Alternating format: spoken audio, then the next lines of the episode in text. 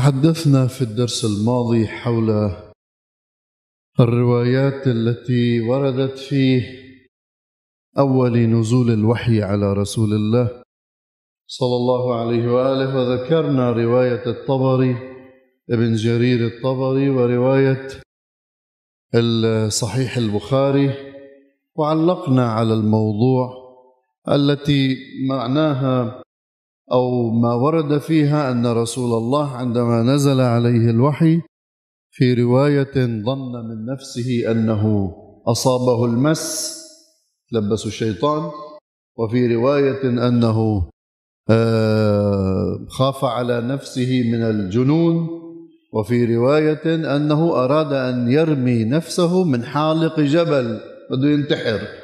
هذا علقنا عليه سابقا. اليوم بدنا نعلق على بعض المرويات من طرقنا إحنا. حتى يصير في توازن بين السنة والشيعة. شيء؟ خل شوف بعض الروايات اللي وردت عنا يؤكدون مسألة ورقة ابن نوفل. يعني علماء الشيعة أو بعض علماء الشيعة المؤرخين يؤكدون مسألة ورقة.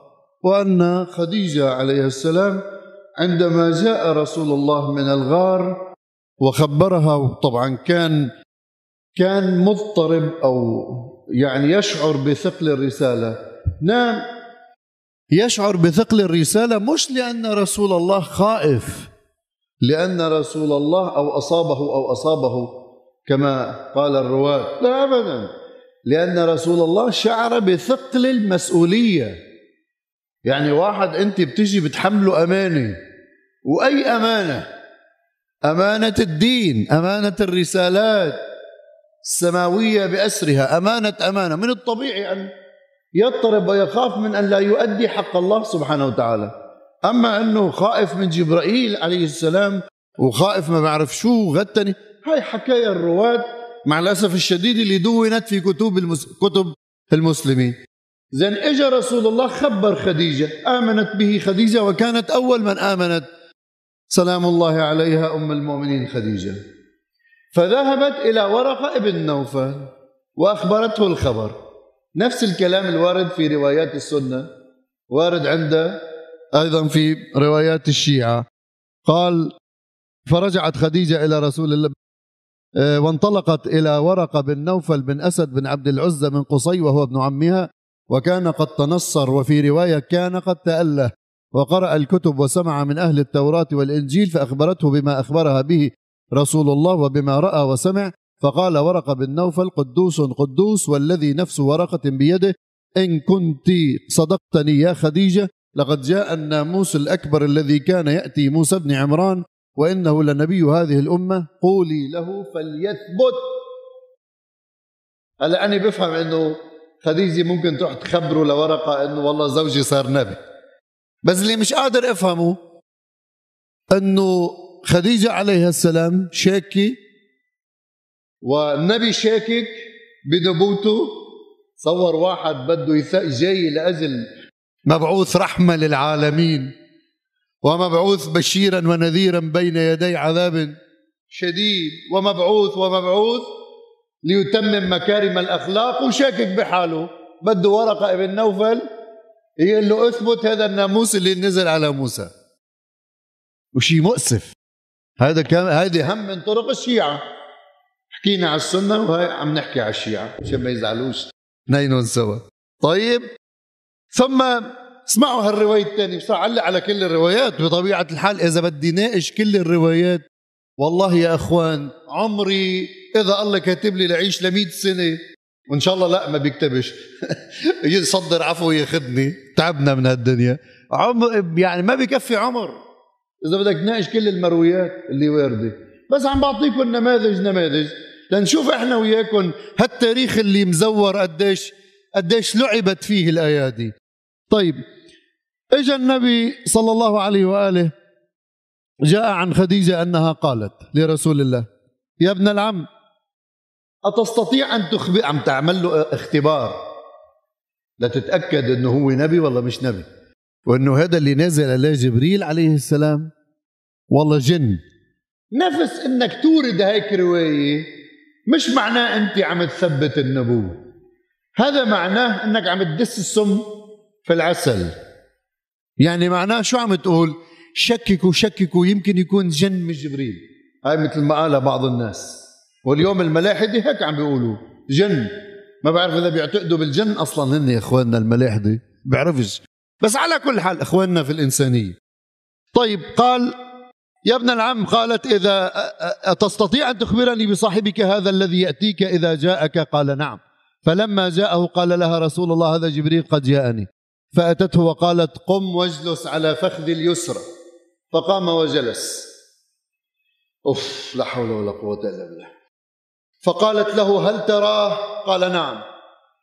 قال ثم تحول رسول الله إلى فخذها الأيمن.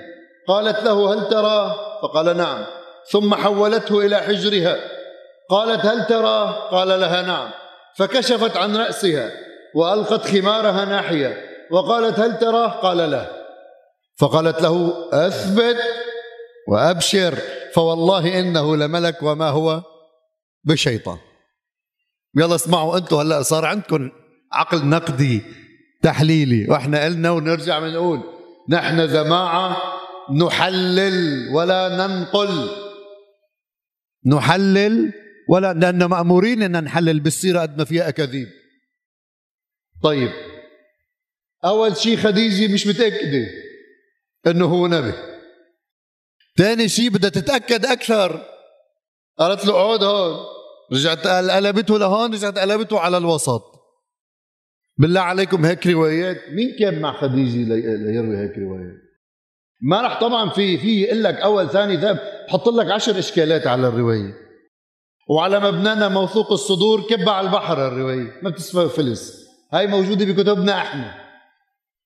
بكتبنا إحنا. يعني مثل بحار الأنوار ومثل. زين. طيب فضلا عن هذا كله سؤال واحد بس.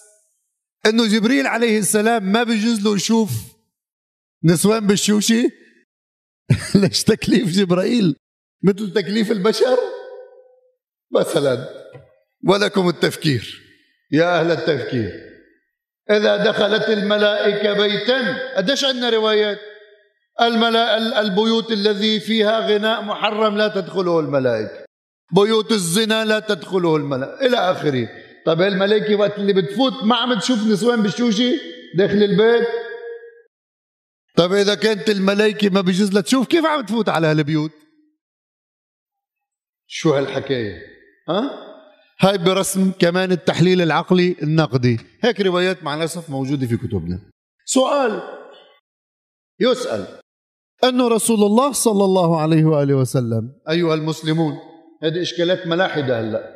نبلش نفند بلشنا من هلأ ورايح بإخواننا الملاحدة وإشكالاتهم على رسول الله. أنه أنتم بتدعوا أنه رسول الله صلى الله عليه وآله وسلم استطاع أن يبلغ ويأتي بمثل هذه الرسالة وهو رجل أمي. أن لرجل أمي لا يقرأ ولا يكتب ولا يكتب أن يأتي بمثل ما أتى. لابد أن محمد نبيكم رجل عبقري استطاع أن يسرق جهدا هنا أو هناك مثل ما بيقولوا اليهود. اليهود هيك بيقولوا أنه اللي كتب القرآن حقام يهودي لرسول الله وبعدين راح قتله. نفس الإشكال هنا. أنه هذا سرق له شو جهد من هون أو والعياذ بالله من هون أو من هون. ثم تبنى وقعد عمل فيه من خلاله نبي. هذا التفكير مع الأسف قاصر جدا فضلا عن أنه كاذب وخطأ. قاصر جدا ليش؟ لأنه إحنا في كثير من الأحيان نفكر برسول الله مثل ما نفكر ببعضنا. يعني اليوم مثلا عندك بعض المؤلفات لفلان بيسرقها فلان وبينسبها لنفسه. فهو بيفكر مثل ما هالعقول الكبيرة سواء كانت ملاحدة أو غيرها عم تسرق من بعضها نفس الشيء هو سرق. لا مش صح الحكي. أصلا سر محمد صلى الله عليه وآله وسلم في دعوته أنه لم يكن يقرأ ويكتب. وجاء بما يعجز العرب والعجم. ولو كان هناك رجل يستطيع أن يكتب قرآنا لاستطاع غيره من الرجال أن يكتبوا أفضل منه. إنه معقول رب العالمين خالق بس واحد يهودي؟ هلا رد على اثنين؟ معقول رد على اليهود؟ الحاخامات ورد على الملاحدة. إنه معقول رب العالمين فقط طبعا باعتقادنا رب العالمين الملاحدة ما بيعتقدوا. اليهود بيعتقدوا إنه في رب العالمين. معقول إنه خالق بس رجل واحد يستطيع أن يكتب مثل هذا القرآن و1400 سنة ما استطاع أحد أن يكتب سورة واحدة مثل القرآن؟ شو هالرجل العجيب هذا؟ هذا شو بيدل؟ هذا بيدل على أن القرآن ليس من صنع البشر. وهذه رسالة محمد. وإذا كان ليس من صنع البشر وسرقه من أحد غيره. طيب فلماذا أعان الله على كتابه محمد بن عبد الله الذي أخذ من غيره ولم يعن؟ ذاك النبي الذي كتب أو جاء بالقرآن. هاي هم إشكال؟ شوي فكروا أيها الملاحدة. شو قال؟ يعني إن والله نحن بنفوت على الفيسبوك وبنكتب إشكال وخلصت الحكاية؟ لا ما خلصت. فكروا شوي. هل تستطيعون أن تأتوا بمثل هذا القرآن؟ لا. طبعا رح يجي بعدين التناقض وما التناقض في القرآن هذا كله حكيهم لعدم فهمهم بالعام والخاص واللغة وغير اللغة ومحكم المتشابه والى آخره. بس الكلام هل تستطيعون؟ من استطاع أن يأتي قبل محمد وبعد محمد بمثل هذا القرآن؟ ما حدا. فاذا هذا سر محمد أنه لا يجيد القراءة والكتابة. وهذا هم رد على بعض المسلمين اللي بيقولوا لا لا لا رسول الله أمي يعني من أم القرى. بيعرف يقرأ ويكتب وهذا نقصه ما بجوز لكم تقولوا هيك. هذول هم إشكالهم مثل إشكال هوديكي نفس الشيء. ليس بنقص. سر محمد أنه لا يجيد القراءة والكتابه وأعجز العالم بمثل هذا القرآن الذي لا يستطيع أحد أن يأتي بسوره من مثله. هذا السر نبوته هذا السر دعوته صلى الله عليه وآله وسلم. فهذا يكشف عن أنه نبي مش يكشف عن أنه ليس بنبي أخذ عن غيره. شوف كيف قلبنا السور عليهم هذا يكشف عن أنه نبي ولا يكشف عن أنه سرق من غيره. لو كان سرق من غيره لأمكن لغيره أن يكتب مثله. لماذا لم يكتب أحد؟ أليس في الأرض مفكرين وعباقره ومبدعين؟ بلى ليش ما استطاعوا؟ أليس في الأرض من حاول أن يكتب ضد القرآن الكريم؟ بلى الزنادقه أبي الدرداء وابن أبي العوزاء وفلان البصري. كل واحد تكلف بربع القرآن وبقيوا قديش حولا كاملا. سنة بس لينقضوا كل واحد ربع القرآن. كل واحد وقف عند آية هاي إجوا لحتى لينقضوه عند الإمام الصادق. قايل لكم إياه سابقا. وما استطاعوا أن ينقض كل واحد منهم آية من الكتاب. فكيف بكل الكتاب؟ أو بربع الكتاب. زين فهذا سر معجزته. ولأن رسول الله ينبغي أن يكون كاملا من حيث العقل البشري. نعم يستطيع أن يتحمل مثل هذه الرسالة العظمى التي هي خاتمة الرسالات ويستطيع أن يكون نبيا. وليس بالضرورة أن يكون يجيد أن يكون يجيد القراءة والكتابة لأن القراءة والكتابة سر معجزته سر معجزته أنه لا يقرأ ولا يكتب. وهذا ما أكده القرآن. وما كنت تدري ما الكتاب. ولا تخطه. بيمينك.